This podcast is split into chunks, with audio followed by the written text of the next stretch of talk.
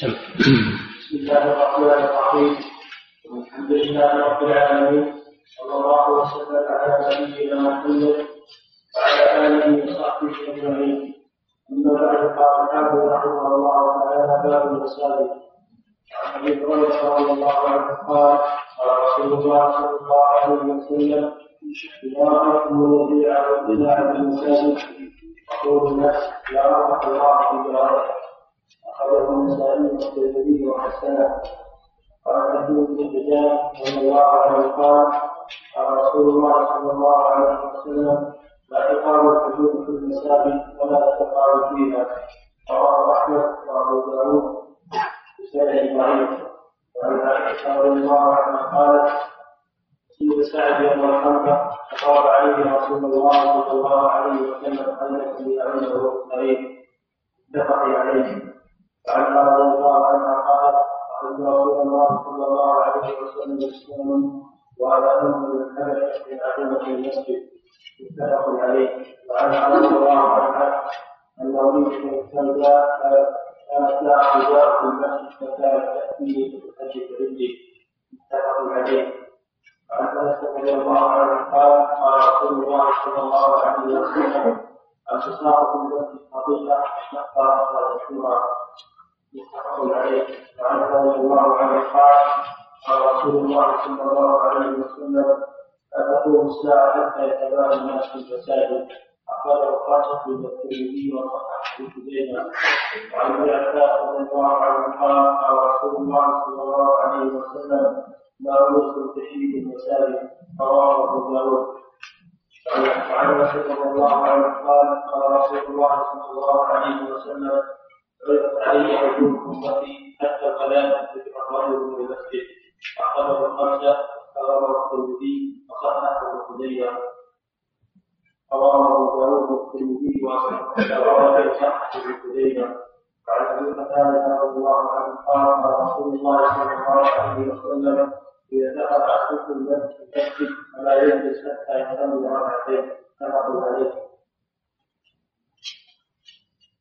بسم الله الرحمن الرحيم. الحمد لله رب العالمين. صلى الله وسلم على نبينا محمد وعلى آله وصحبه أجمعين. قال المؤلف رحمه الله باب المساجد. أي الباب الذي يذكر فيه الأحاديث المتعلقة بأحكام المساجد. والمساجد جمع مسجد بكسر الجيم مسجد. والمراد به المكان المهيأ للصلاة. المكان المهيأ للصلاة.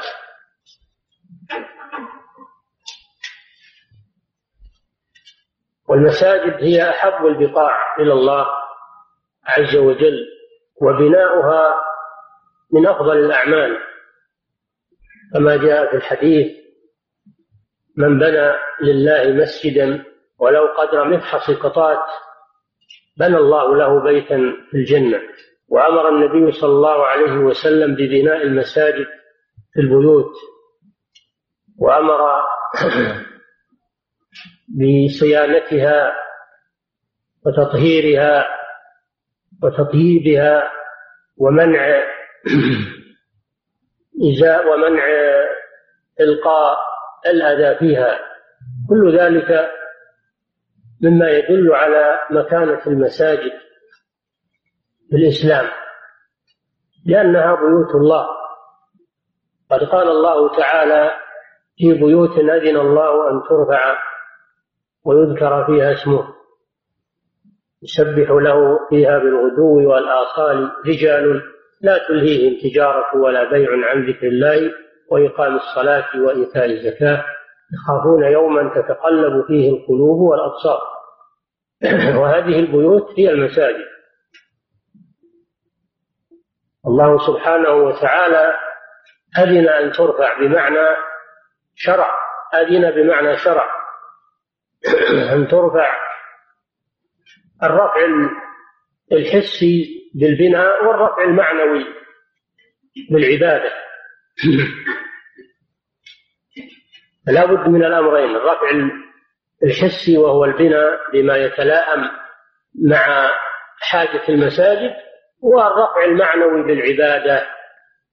ليس المقصود من المساجد مجرد البناء والتشييد والزخرفة. وإنما المقصود أن تعمر بطاعة الله سبحانه وتعالى ولو كانت غير مزخرفة وغير مشيدة بل إن الزخرفة والتشييد منهي عنها في المساجد كما يأتي بل تبنى بما يليق بها مما يحصل به المقصود من إيواء المصلين ومن الحر والبرد. وتهيئة المساجد بما يريح المصلين والعاكفين فيها والذاكرين الله فيها هذا هو المقصود. قال تعالى إنما يعمر مساجد الله من آمن بالله واليوم الآخر وأقام الصلاة وآتى الزكاة ولم يخشى إلا الله. هذه هي العمارة الصحيحة. من آمن بالله واليوم الآخر وأقام الصلاة وآتى الزكاة ولم يخش إلا الله. هذه هي العمارة الصحيحة المطلوبة. والمساجد كانت هي محل الأمور المهمة للمسلمين يؤدون فيها صلواتهم ويتلقون فيها دروسهم ويذكرون الله تعالى فيها ويعكفون فيها فهي تشع بالنور.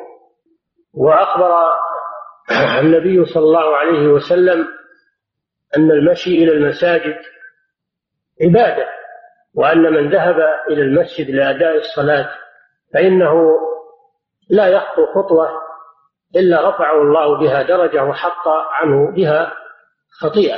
وكذلك الجلوس فيها لذكر الله عز وجل وكذلك تلاوة القرآن فيها طلب العلم تلقي الذكر ما اجتمع قوم في بيت من بيوت الله يتلون كتاب الله ويتدارسونه بينهم إلا نزلت عليهم السكينة وغشيتهم الرحمة حفتهم الملائكة وذكرهم الله في من عنده.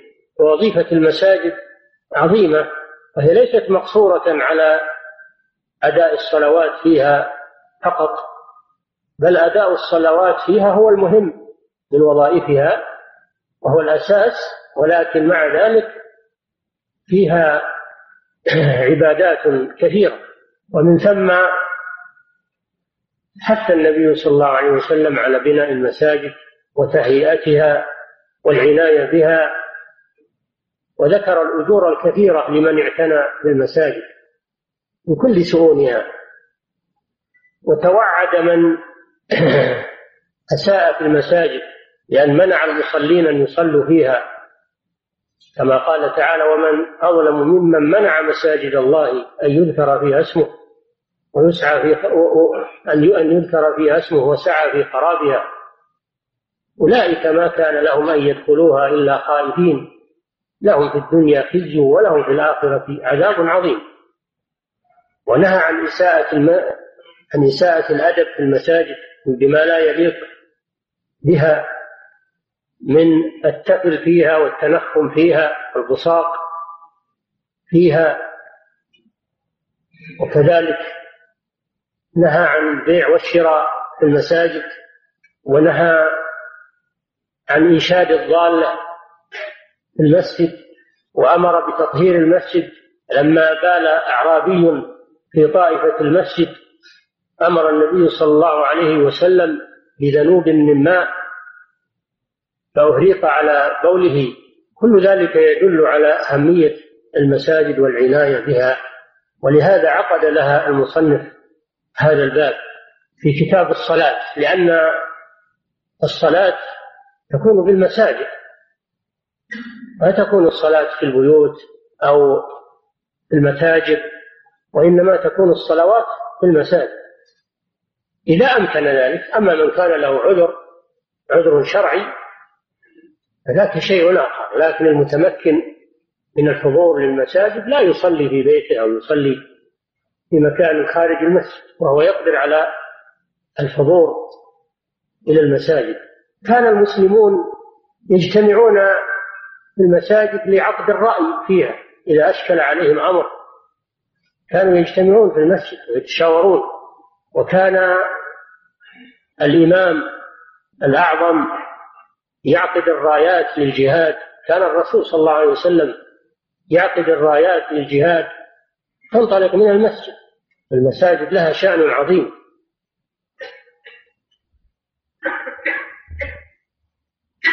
ولا يجوز إحداث اللغط فيها ورفع الأصوات. قد جاء في الحديث أنه في آخر الزمان ترفع الأصوات في المساجد. وهذا من باب التحذير. أن هذا يتنافى مع حرمة المسجد لا ترفع فيها الأصوات أدبا واحتراما لها. وما أحدثه بعض المبتدعة في هذا الزمان من أنهم يعتصمون بالمساجد كما يقولون ويتخذون المساجد مثارا للفتنة.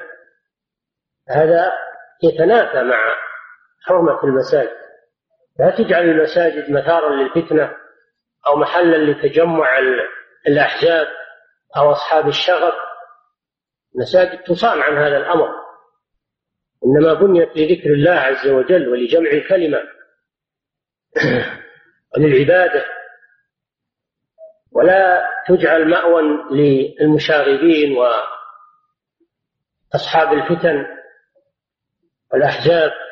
فإن هذا من الإساءة إلى المساجد.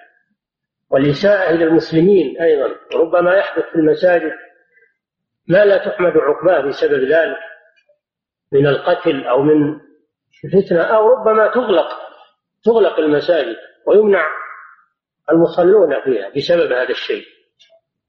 وهذا إنما أحدثه المبتدع وليس هو من عمل المسلمين. نعم الحديث الأول. الله عنه أن رسول الله صلى الله عليه وسلم قال رأيتم من يبيع أو يبتاع في المسجد فقولوا له لا الله تجارته رواه النسائي والترمذي وحسنه إذا رأيتم من يبيع أو يبتاع المساجد فقولوا لا أربح الله تجارتك. من يبيع أو يبتاع يبتاع يعني يشتري في المساجد. فقولوا لا أربح الله تجارتك. دعاء هذا دعاء عليه وإنكار إنكار عليه بعمله هذا. فدل على النهي عن البيع والشراء في المساجد. وهذا يعم جميع أنواع البيع. يجنب المساجد أمور الدنيا والكلام في أمور الدنيا. حتى قال بعض العلماء إن إن العقد لا يصح. لو باع المسجد فإنها عقد البيع لا يصح لأنه منهي عنه والنهي يقتضي الفساد. المساجد ليست محلا للتجارة. ودل على على الإنكار على إنكار المنكر. فيقال لا أربح الله تجارتك. هذا من باب الإنكار عليه. ومعاملة له بنقيض قصده لأنه يقصد بالبيع البائع يقصد بالبيع الربح. والمشتري يقصد بالبيع كذلك الربح إذا كان يتاجر بالسلع وكل منهما يقصد الربح فيدعى عليهم بأن يعكس الله عليهم عليهما قصدهما ويمنع الربح في تعاملهما عقوبة لهما. فدل هذا على تحريم البيع والشراء في المساجد. كذلك سائر العقود. كالإجارة وغير ذلك من عقود المعاملات. لا تصح. وإنما الذي ورد عقد النكاح في المسجد لا بأس به. لا بأس أن يعقد النكاح في المسجد. لأن النكاح عمل شرعي فلا بأس أن يعقد في المسجد. أما عقود التجارات والإيجارات والبيع والشراء فهذا تصان عنه المساجد. وكذلك الذي يجلس ومعه سلع يعرضها للبيع في المسجد يجب أن يمنع ويطرد من المسجد. وكذلك الإعلانات في المسجد إعلان المسجد عن بيع بيع أشياء أو شراء أشياء أو عرض أشياء للبيع أو شركات إعلانات شركات. كل هذا لا يجوز أن يجعل في المسجد أو يعلق على الجدران. وكذلك ذكر أهل العلم أنه لا يجلس أيضا يحترف في المسجد. كان يجلس خراج يخرج للناس أو خياط يخيط ثياب أو كتاب يكتب للناس الرسائل أو ما أشبه ذلك. لا يجعل المسجد محلا للتكسب بالحرفة أصحاب المهن لا يجلسون في المساجد من أجل أن يأتيهم الناس. كل هذا لا يجوز في المساجد. كل أمور الدنيا تبعد عن المساجد لأن محلها في الأسواق. كما قال تعالى يا أيها الذين آمنوا إذا نودي للصلاة من يوم الجمعة فاسعوا إلى ذكر الله وذروا البيع. ذلكم خير لكم إن كنتم تعلمون. فإذا قضيت الصلاة فانتشروا في الأرض. وابتغوا من فضل الله بالبيع والشراء وغير ذلك.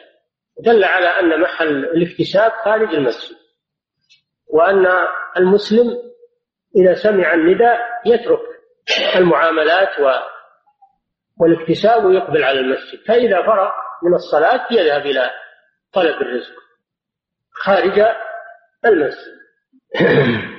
نعم. رضي الله عنه قال قال رسول الله صلى الله عليه وسلم لا في المساجد ولا فيها.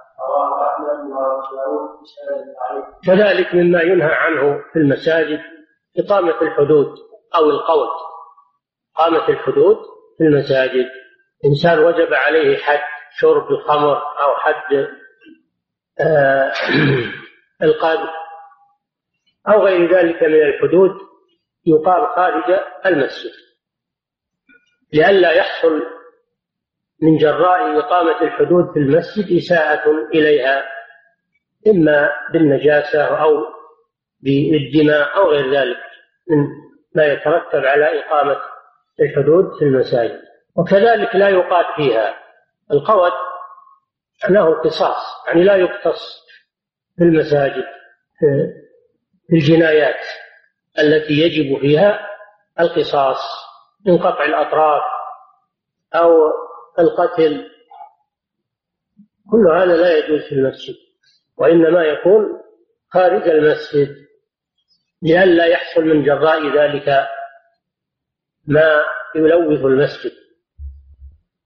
إذا كانت إقامة الحدود وهي عبادة لا تكون في المسجد غيرها من باب أولى. أن يصان عنه المسجد. نعم.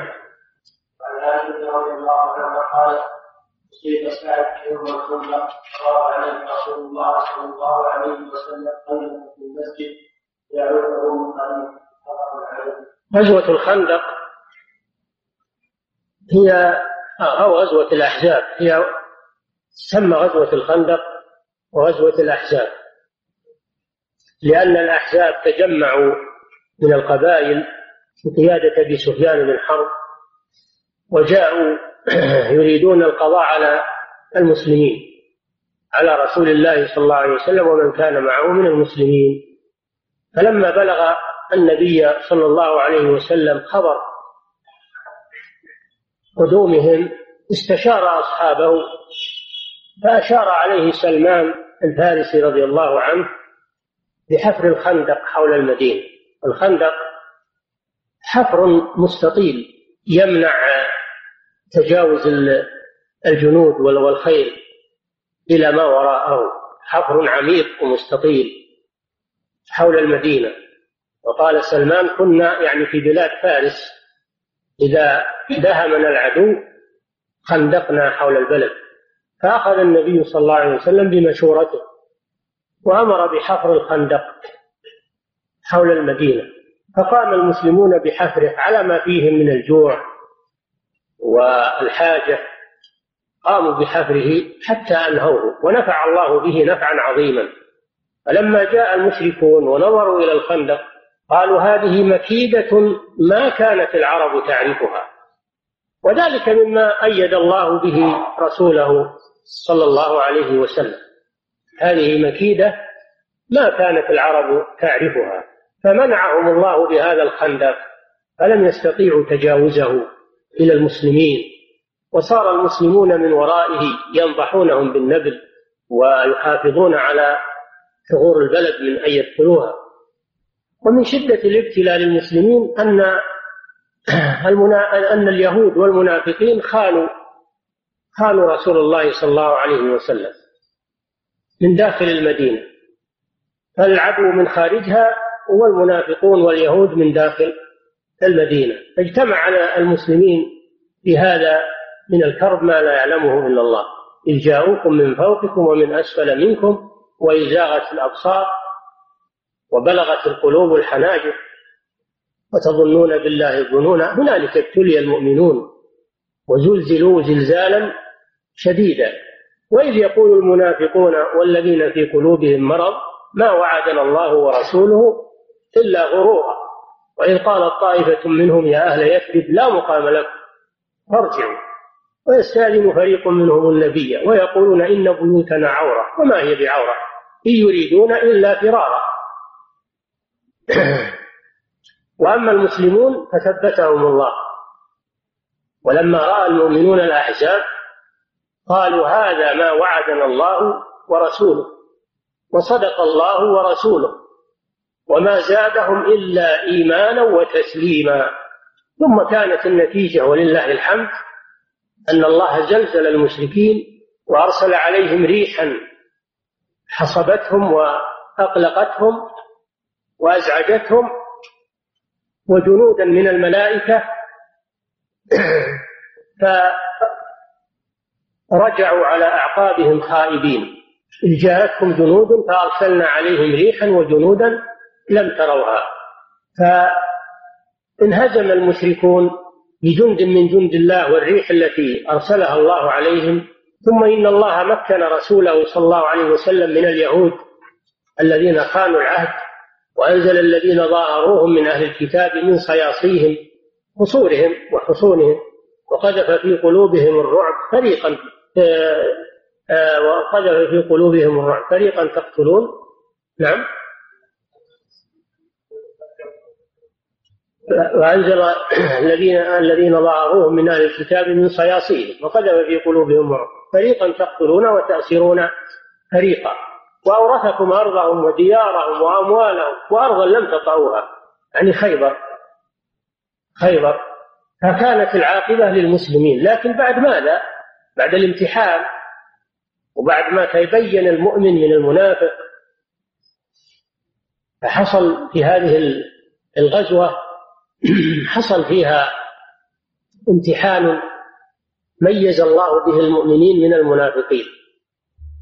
وخانت اليهود عليهم لعنة الله. فالله عاقبهم أشد العقوبة ومكن المسلمين من عدوهم. وهزم الأحزاب سبحانه وتعالى بجند من جنده ونصر من نصره.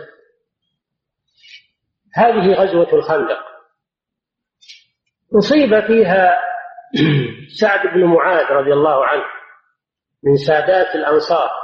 سعد بن معاذ أصيب فيها أصاب أصابه سهم في عرق يقال له الأكحل في يده. وضرب النبي صلى الله عليه وسلم خباء في المسجد وجعله فيه يمرض فيه رضي الله عنه. ولكن نزف هذا الجرح دما عظيما ومات سعد رضي الله عنه شهيدا في سبيل الله. الشاهد من الحديث أن النبي صلى الله عليه وسلم ضرب له خباء في المسجد فدل على جواز هذا العمل وهو أن يضرب خباء في المسجد يمرض فيه المريض وكذلك يعتكف فيه من يريد الاعتكاف. قد كان النبي صلى الله عليه وسلم يضرب له خباء يعتكف في العشر الأواخر من من رمضان فدل على جواز هذا العمل وهو أن يحتجز ناحية من المسجد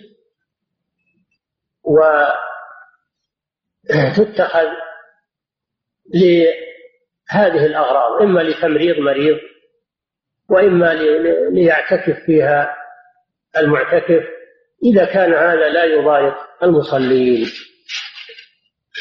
نعم. وعن قال قال رسول الله صلى الله عليه وسلم يذكرني وأنا انظر الحبشه يلعبون في المسجد نعم. وعنها قالت قالت رسول الله صلى الله عليه وسلم يسترني يسترني يسترني وأنا انظر الحبشه يلعبون في المسجد متفق عليه رأيت رسول الله صلى الله عليه وسلم يسترني وأنا أنظر إلى الحبشة يلعبون في المسجد. هذا في يوم العيد. هذا في يوم العيد. والحبشة جنس معروف من الناس من بلاد الحبشة. من بلاد الحبشة من بلاد أفريقيا. ولا يزال بهذا الاسم إلى الآن. وكانوا يلعبون بالسلاح. بالسلاح في المسجد. يتدربون على الجهاد. يتدربون على الجهاد يستعرضون السلاح من الرماح و وغير ذلك من الأسلحة المعروفة في ذاك الوقت. فدل هذا الحديث على مسائل. المسألة الأولى فيه جواز اللعب في يوم العيد لأنه يوم فرح. لأنه يوم فرح وسرور في حدود المباح. أما اللعب المحرم وهذا لا يجوز لكن في حدود المباح أو المستحب لأن التدرب على السلاح هذا من الجهاد في سبيل الله. إذا كان هذا يوم العيد تدرب على السلاح في يوم العيد فإنه يجمع بين مصلحتين مصلحة التوسعة على النفوس والفرح ومصلحة التدرب على السلاح والجهاد في سبيل الله. وفيه أن ذلك يجوز في المسجد لأنه من الجهاد في سبيل الله. ليس هو من اللعب الذي لا فائدة فيه وإنما هو من الجهاد في سبيل الله لذلك جاز في المسجد. أما اللي يلعبون في الأمور الأخرى التي لا فائدة منها للجهاد هذا لا يجوز في المسجد. أن يتخذ المسجد ملعبا هذا لا يجوز. يلعب فيه الكرة أو غير ذلك من الرياضيات هذا لا يجوز. إنما هذا في أمور الجهاد. إذا كان هناك تدريب على الجهاد فلا بأس أن يتخذ أن يعمل في المسجد لأن هذا يدخل في العبادة. وفيه أيضا جواز نظر المرأة إلى إلى الرجال وهم يلعبون. ولكن كانت عائشة في ذاك الوقت صغيرة. كانت صغيرة. ومع هذا كان النبي صلى الله عليه وسلم يسترها. دل على أن المرأة يجب أن تنستر عن الرجال ولا تظهر إليهم وهي سافرة أو غير محتشمة وإنما تنظر إليهم من وراء ستر ومن وراء حجاب. إذا كان هذا فعله النبي صلى الله عليه وسلم مع عائشة وهي صغيرة غيرها من باب أولى من النساء الكبار. أن ينظرن من وراء حجاب من وراء ساتر لأن هذا أطهر لقلوب المسلمين وأبعد عن الفتنة فدل هذا الحديث على مسائل. المسألة الأولى فيه الفرح يوم العيد إظهار الفرح والسرور يوم العيد. فيه أن التدرب على الجهاد وآلات الحرب في المسجد أن ذلك لا بأس به لأنه من العبادة. وفيه جواز نظر النساء إلى مثل هذا العمل. من وراء وأن ذلك يكون من وراء حجاب ومن وراء ساتر لأن المرأة عورة وفيها فتنة. نعم. نعم.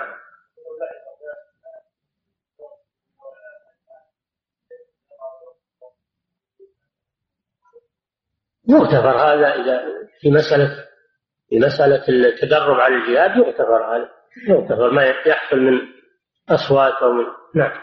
وعنها رضي الله عنها أن وليدة السوداء كان لها حجاب في المسجد فكانت تحكيه فوجدت عندي. حديث متفق عليه. الوليدة معناها المملوكة الوليدة معناها المملوكة المستخدمة.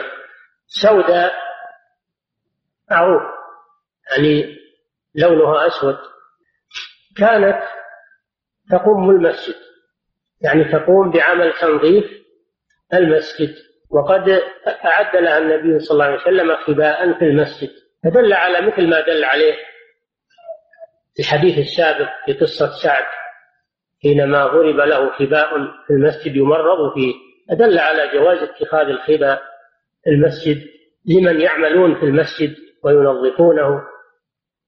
أو لغير ذلك من الأغراض الصحيحة. إذا كان هذا لا يضايق المصلين. نعم.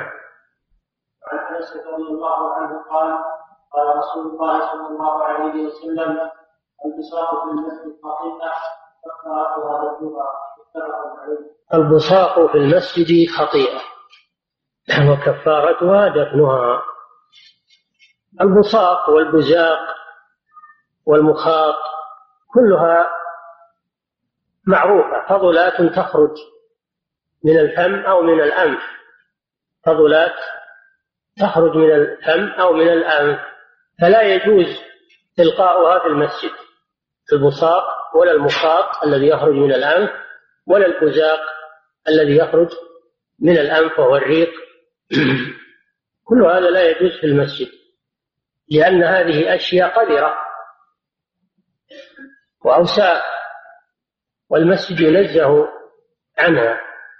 ولأن هذا أيضا ينفر المصلين والذين تقع أنظارهم على مثل هذه الأشياء يتقززون منها ويكرهونها أنها مستقذرة ومكروهة فلا تليق في المسجد أما من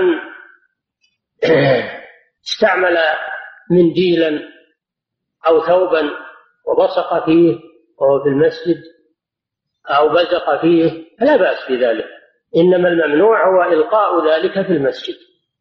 لا عمله في المسجد إذا كان ينقله في ثوب أو في منديل. كما جاء في الحديث أن الرجل صلى الله أن أن النبي صلى الله عليه وسلم قال إذا قام أحدكم في الصلاة فلا يبصق أمام وجهه ولا عن عن يمينه ولكن عن يساره أو تحت قدمه. هذا في غير المسجد. أما إذا كان في المسجد فلا يبصق بدليل هذا الحديث. لا يبصق في المسجد. لا تحت قدمه ولا عن يساره وإنما يبصق في ثوب أو منديل معه. أعده لذلك وينقله معه. ولا يتركه في المسجد. المسجد يصان عن هذا. البصاق في المسجد خطيئة يعني ذنب ومعصية. وكفارتها دفنها إزالة أثرها ومحو أثرها. فإذا أزالها ومحى وجودها في المسجد بالدفن أو بالحك أو بغير ذلك فإنه زال المحذور. أما إذا بقيت فإنها خطيئة يأثم بها ما بقيت في المسجد. من هنا نعرف أن هذه الأمور محرمة في المسجد لأنها تسيء إلى المسلمين وإلى موطن العبادة وتنفر الناس أيضا والمساجد تصان عن كل ما ينفر المصلين أو يؤذيهم. نعم. وعنه رضي الله عنه قال قال رسول الله صلى الله عليه وسلم لا تقوم الساعة حتى يتباهى الناس في المساجد. لا تقوم الساعة حتى يتباهى الناس في المساجد. هذا من أشراط الساعة. من أشراط الساعة والدلالة على قرب وقوعها. إذا حصل التباهي في المساجد في الزخرفة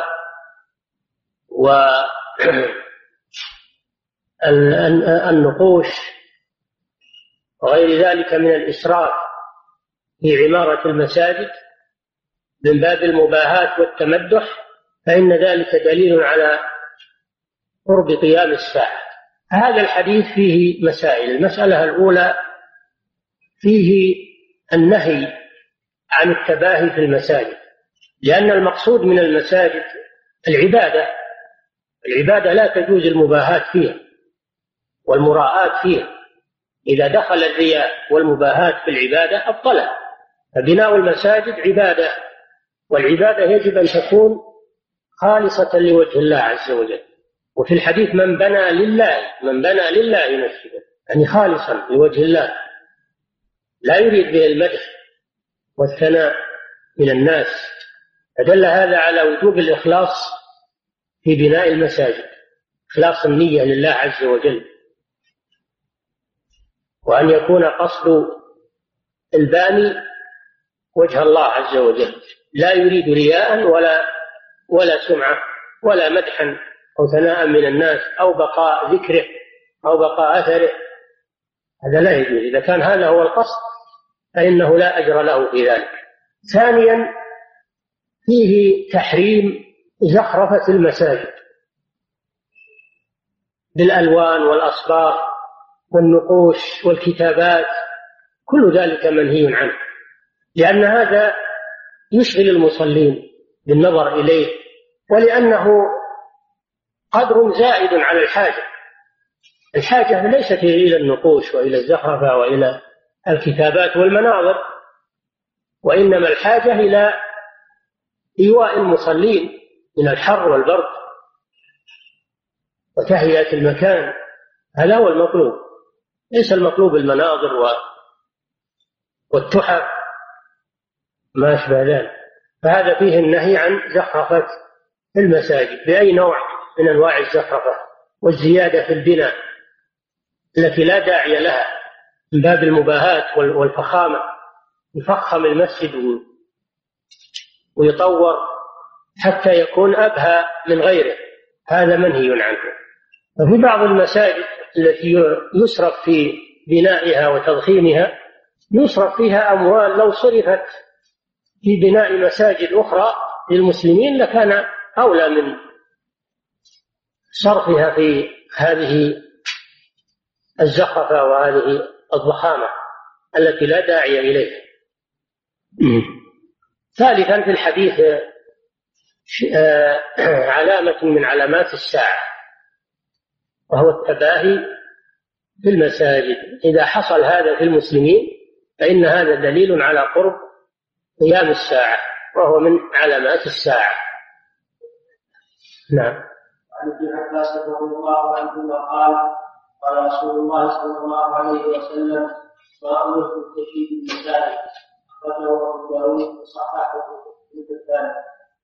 كذلك هذا مثل الحديث الذي قبله ما أمرت يقول الرسول صلى الله عليه وسلم ما أمرت يعني ما أمرني الله ما أمرني الله بتشييد تشييد المساجد وهو البناء الزائد عن الحاجة أما بناء المساجد فقد أمر به صلى الله عليه وسلم أمر ببناء المساجد وشرع لأمته بناء المساجد ورغب في ذلك فالبناء غير التشييد التشييد قدر زائد على البناء وهو المبالغة. التشييد معناه المبالغة. في بناء المساجد مور التي لا تحتاجها المساجد وإنما يقصد بها المباهاة وإيجاد المناظر الجميلة أو الآثار كما يقولون. الآثار والآن يتخذون بعض المساجد للآثار والمباهاة بذلك للأمم الأخرى. هذا لا لا يرغب فيه الإسلام. المساجد ليست محلا للمباهاة أو للمناظر أو غير ذلك. نعم. عن قال رسول الله صلى الله عليه وسلم عني كثير امتي حتى من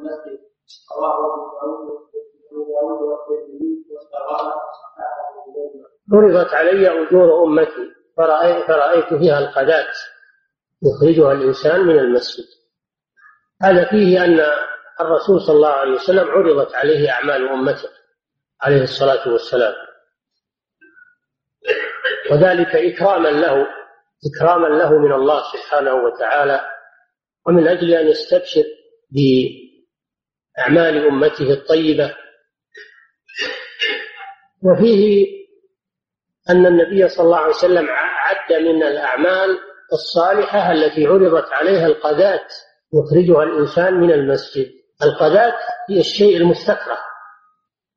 قذات الشيء المستكره من الزبالات وأي نوع من أنواع الأوساخ التي تكون في المسجد ولو كانت يسيرة.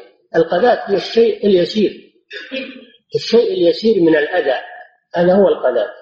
فمن أخرج هذا من المسجد فقد عمل عملا طيبا يؤجر عليه. فإذا كان هذا في القذات وهي شيء يسير فكيف بغير ذلك ممن ينظفون المساجد ويعتنون بنظافتها وإزالة الأذى منها؟ يكون الأجر أعظم لهم. أجرهم أعظم عند الله عز وجل. ففي هذا الترغيب في تنظيف المساجد وإزالة القاذورات منها. وأن من رأى في المسجد شيئا من الأذى فليحتسب الأجر ويغتنم هذا الشيء فيزيل هذا الأذى من المسجد ولو كان يسير ولا يقول المسجد له منظفون له عمال ويترك هذا يحرم نفسه من الأجر يحرم نفسه من هذا الأجر. نعم المسجد له عمال له منظفون في بعض الأحيان. ولكن لا تحرم نفسك من هذا الأجر. شارك شارك في خدمة المساجد ولو بشيء يسير. نعم. قال قال رسول الله صلى الله عليه وسلم دخل احدكم المسجد فلا يجلس حتى يصلي ركعتين هذا من آداب المساجد. إذا دخل أحدكم المسجد فلا يجلس حتى يصلي ركعتين. وهاتان الركعتان تسميان تحية المسجد. فإذا دخل الإنسان المسجد يريد الجلوس فيه فإنه لا يجلس حتى يؤدي تحية المسجد وهي ركعتان نافلة من النوافل.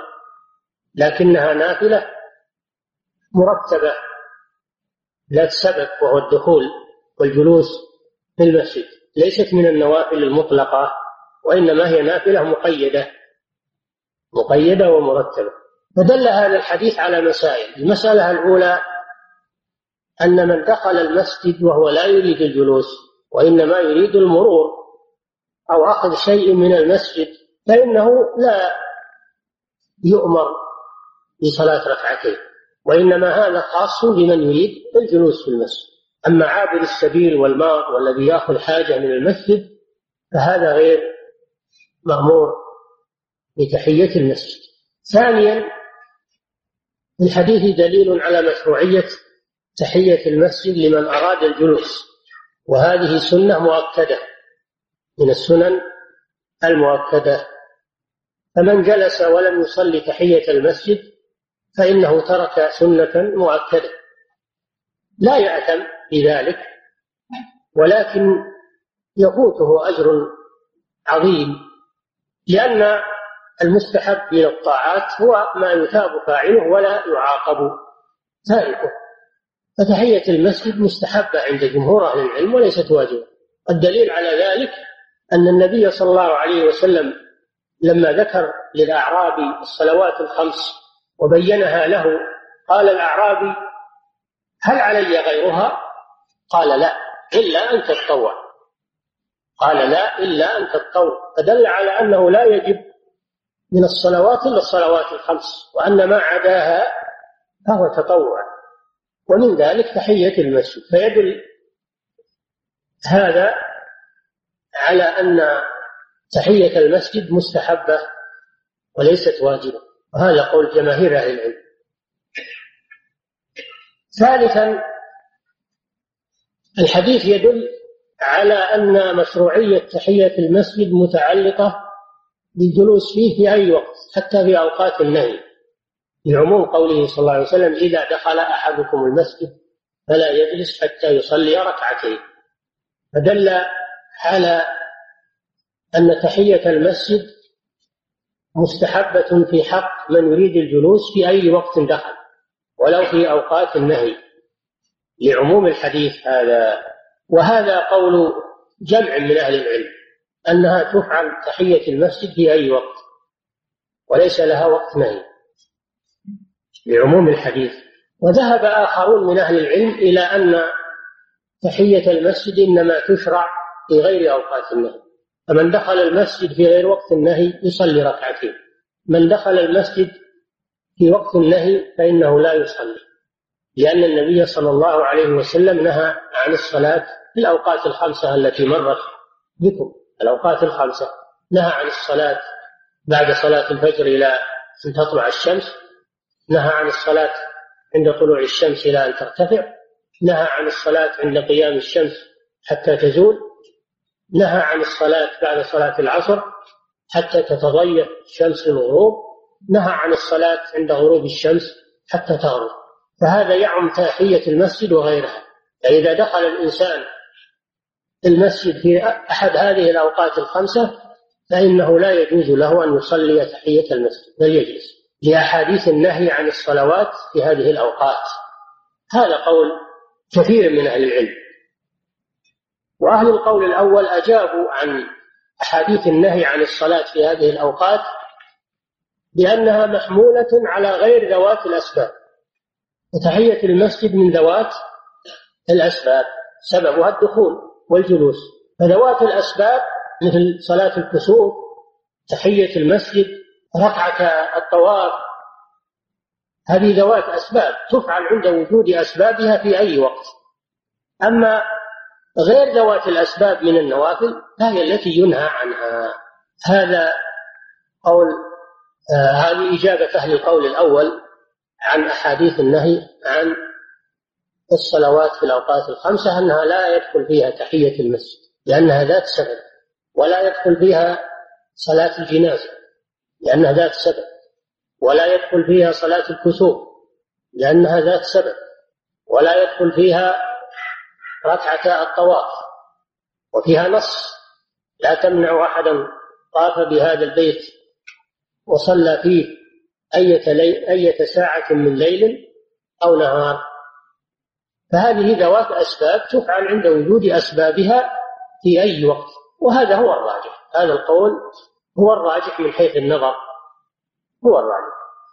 ولكن كما علمنا أن صلاة تحية المسجد سنة. من فعلها فله أجر ومن تركها فلا إثم عليه. واختلف العلماء في وقت النهي عن فعلها في وقت النهي. فإذا دخل واحد وجلس لا ننكر عليه. وإذا صلى تحية المسجد أيضا لا ننكر عليه. لأن كل من الاثنين له وجهة. له وجهة من الاجتهاد الصحيح. فلا إنكار في مثل هذا. ولا تشدد في مثل هذا. فالذي يجلس في وقت النهي لا ننكر عليه. والذي يصلي تحية المسجد في وقت النهي أيضا لا ننكر عليه. المسألة واسعة ولله الحمد. نعم.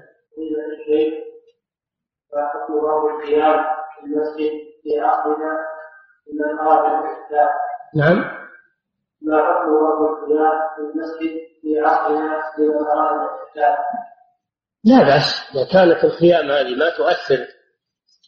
تضيق المسجد ما تضيق المسجد فلا بأس باتخاذ حاجز أو رواق رواق أو حاجز يكون في جانب من خلف المسجد لا مانع من ذلك.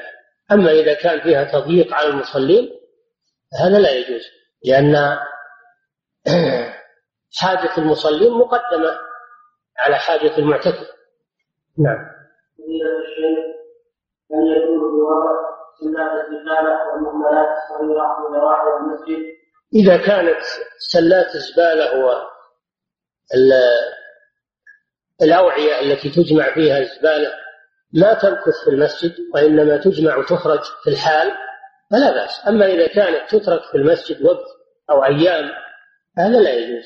لا يجوز أنك تترك وقت طويل أو أيام لأنها تسيء إلى المسجد.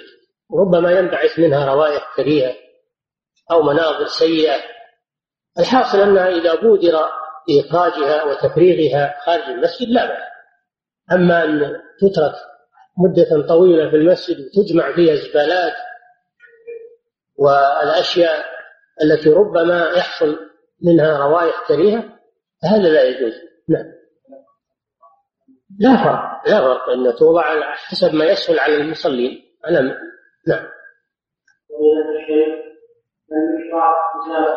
أسماء المؤسسات أو الشركات المكتوبة على بعض التقاويم أو ساعات التي توجد في المسجد بعض الأسماء. نعم يجب طمس هذه الأشياء. التقويم إذا كان فيه دعاية لشركة أو مؤسسة يطمس هذا الشيء. ينتفع من التقويم لا بأس لكن يطمس. الإعلان أو الشعار الذي للشركة أو الدعاية يسمونها الدعايات. هذه تطمس لا تترك. كذلك إذا كان الساعات الحائطية شيء من الدعاية أو من الكتابة يطمس هذا الشيء. نعم. عند أبواب المساجد؟ خارج المسجد لا بأس أما داخل داخل المسجد فهذا لا يجوز. أما إذا كان خارج المسجد على أبواب المساجد أو قريب منها فلا بأس بذلك. نعم. إلا إذا كان في هذا مضايقة للمصلين إذا خرجوا يسد عليهم الطريق أو يضايقهم هذا لا يجوز مضايقته. نعم. نعم. يعني يبيع ويشري بعد الأذان خارج المسجد لا بأس لكن إذا إذا فوت عليه الصلاة فهو ما يجوز. إذا فوت الصلاة عليه ما يجوز. أما دام ما يفوت عليه الصلاة فلا بأس. نعم. لا في الصلاة المساجد عليها لا بأس بالصلاة فيها وإن كانت فيها زخارف لكن يكره النظر إلى هذه الأشياء. يصلي ويقصر نظره على موضع سجوده. أما الصلاة في حد ذاتها فهي عبادة لكن الإثم أو النهي في حق من اتخذ هذا الشيء. أما المصلون فلا حرج عليهم ولكن لا ينظرون إلى هذه الأشياء في أثناء الصلاة بل يقصرون أنظارهم على موضع سجودهم. نعم. ومن الشيء يجوز المشركين المساجد لأنهم في الإسلامية المعروفة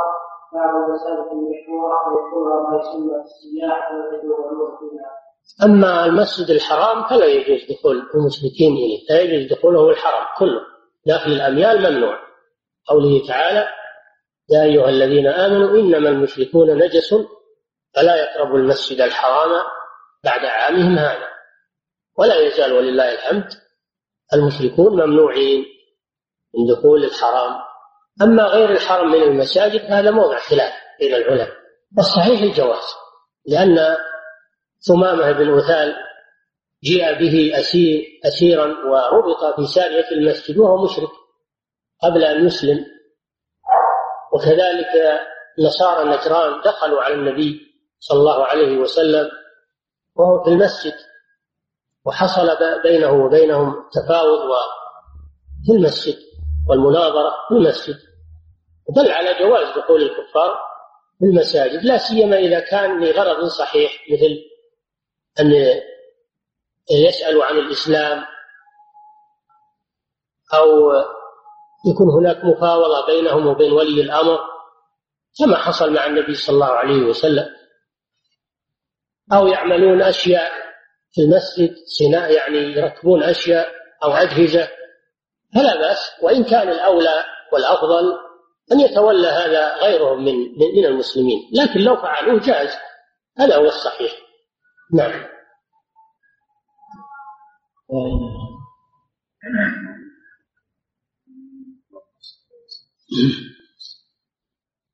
نعم. ما رأيك بكثرة المساجد كثرة مطلقة حتى أنه ليس بين بعضها إلا بناء واحد نعم هذه ظاهرة ليست طيبة وهي تقارب المساجد وكثرتها. هذه الظاهرة غير غير طيبة. الواجب أن المساجد تبنى على قدر حاجة المسلمين في الحارات المتباعدة. أما أن كل آه، مكان قريب يبنى فيه مسجد تتجاور المساجد ويشوش بعضها على بعض ويفرق يفرق الجماعة فهذا أمر غير جائز. المطلوب مهما أمكن اجتماع المسلمين مهما أمكن. كل ما اجتمعوا وكثروا فهو أفضل وأحسن. وكل ما تفرقوا فهو أسوأ. فإذا كان في كثرة المساجد زيادة عن الحاجة فينبغي أن للجهة المختصة أن تتدخل في هذا الأمر وأن لا تأذن في إقامة مسجد إلا في مكان مناسب. ما هو على هوى الناس أو هوى اللي عمر. كل من أراد يبني في مكان بنى على طول حسب رغبته لا يجب تتدخل الجهة المسؤولة. ولا تأذن بإقامة مسجد من المساجد إلا في المكان المناسب الذي لا يحصل منه ضرر على المسجد الآخر ولا يحصل تفريق للمصلين. هذا هو المطلوب. نعم. في وقتنا الحاضر أيضا وجد محذور ظاهر وهو كبرات الصوت. كبرات الصوت هذه تشوش على المساجد. المسجد القريب يحصل عليه تشويش أكثر حيث لا يدري المصلون ماذا يقول إمامهم. وربما يتابعون الإمام الخارج عن مسجدهم يغترون ويظنون صوت الإمام أو يكون واحد ساهي فإذا سمع التكبير ركع أو سجد ولم يتثبت هل هو صوت إمامه أو لا يحصل من هذا أضرار كثيرة. هذا من من سلبيات تقارب المساجد. في صلاة الجمعة وفي الأوقات. نعم. ما هو الحكم في بناء المسجد نعم الحكم في بناء في الحد بناء المساجد يختلف باختلاف الأزمان في كل زمان بحسبه من غير إسراف. هذه الوقت الماضي تبنى المساجد من الحجارة والطين والأخشاب حسب الإمكان وفي وقتنا الآن تبنى المساجد من المسلح الإسمنت لا بأس بذلك. البناء يكون على حسب الأوقات لكن من غير زخرفة من غير إسراف ومن غير زيادة عن الحاجة هذا هو المطلوب. أما أن تبنى بما يتناسب مع الوقت هذا مطلوب. هو من المستحسن الآن أنك تبني مسجد من الطين. هو مستحسن في وقتنا هذا إلا إذا كان البلد كله من هذا النوع. أما تقول أنا بعمل مثل ما عمل الرسول صلى الله عليه وسلم بنى مسجدا من الحجر ومن جذوع النخل. هل تريد أنك مثلا الآن تعمل مسجد من جذوع النخل ومن الجريد ومن لأن لأن هذا هو المتيسر في وقت الرسول صلى الله عليه وسلم. هو المتيسر. ولما وسع الله على المسلمين بعد الرسول صلى الله عليه وسلم بنوا المسجد النبوي وغيره بما يتناسب مع الوقت. ما في مانع هذا. نعم.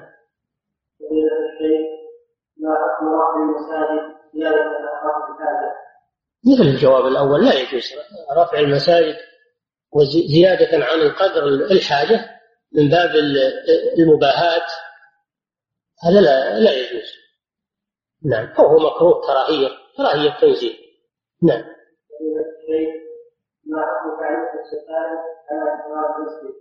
للحاجة لا بأس. إذا كان في حاجة إلى تعليق الستائر على النوافذ تمنع الشمس أشعة الشمس المصلين لا بأس بذلك. الحاجة ما في بأس. نعم. ورد في في صحيح مسلم على رجل واحد رضي الله عنه في المسجد. نعم وردت. وردت في صحيح مسلم على رجل واحد رضي الله عنه في المسجد. وكيف الجمع بينها وبين الحديث يحيي بالرجال النهي عن ذلك. لا ما ي... لم يثبت ان ان أن ماعزا رجم في المسجد. لكن النبي صلى الله عليه وسلم أمر برجمه وهو في المسجد. لكن التنفيذ خارج المسجد. قال اذهبوا به فارجموه. ذهبوا به ورجموه.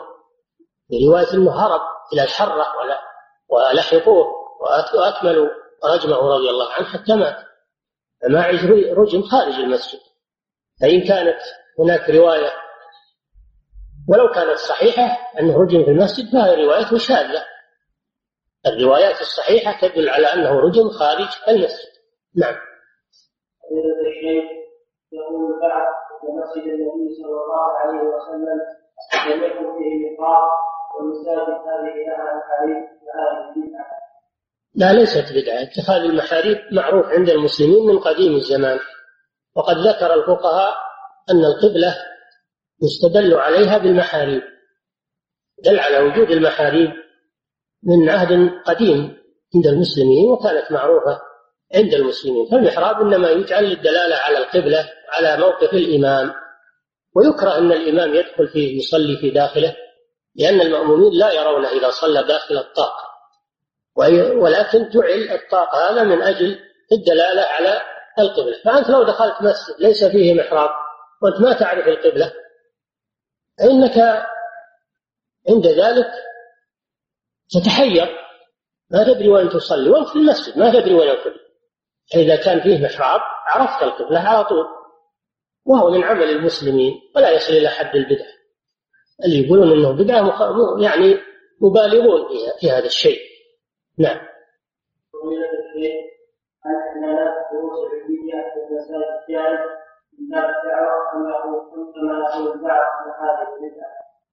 الإعلانات داخل المسجد يعني الدروس وعن المحاضرات لا بأس لكن تكون لا تكون أمام المصلين تشغلهم عن الصلاة وإنما تكون خلف المصلين أو على الأبواب في مانع لأنه من الدعوة إلى حضور مجالس الذكر ليست من أمور الدنيا ليست إعلان عن أمور دنيا إنما هي إعلان عن طلب العلم وعن مكان الدروس لكن ما تكون أمام المصلي وإنما تكون في الخلف أو على الأبواب. نعم.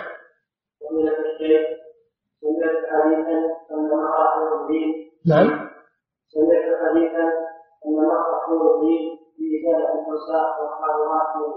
نعم ورد في هذا أثر أن مهور مهور الحور العين إخراج القذى من المساجد. الله أعلم بصحته المهم أن إخراج القذى مرغب فيه. كما سمعت في الحديث أن من أعمال هذه الأمة التي عرضت عن النبي صلى الله عليه وسلم القذاة يخرجها الرجل من المسجد. نعم. إذا باع في المساجد عن المساجد ما كان خارج المسجد الساحات اللي خارج المسجد هذه لا بأس. أما الساحات اللي تابعة للمسجد يصلى فيها تابعة للمسجد ويصلى فيها. هذه حكمها حكم المسجد. نعم. هل جاءوا الحديث الأعرابي لأنه وجدت صلوات أخرى لم تقرأ هنا مثل صلاة الجنازة والعيدين ونحوهما؟ ثم قد ثبت أن هذا الأعرابي حصل اسلامه ثم رجع وتعلم أمر الرسول فيبقى حديث ابن صلاة ركعتين فلا عموده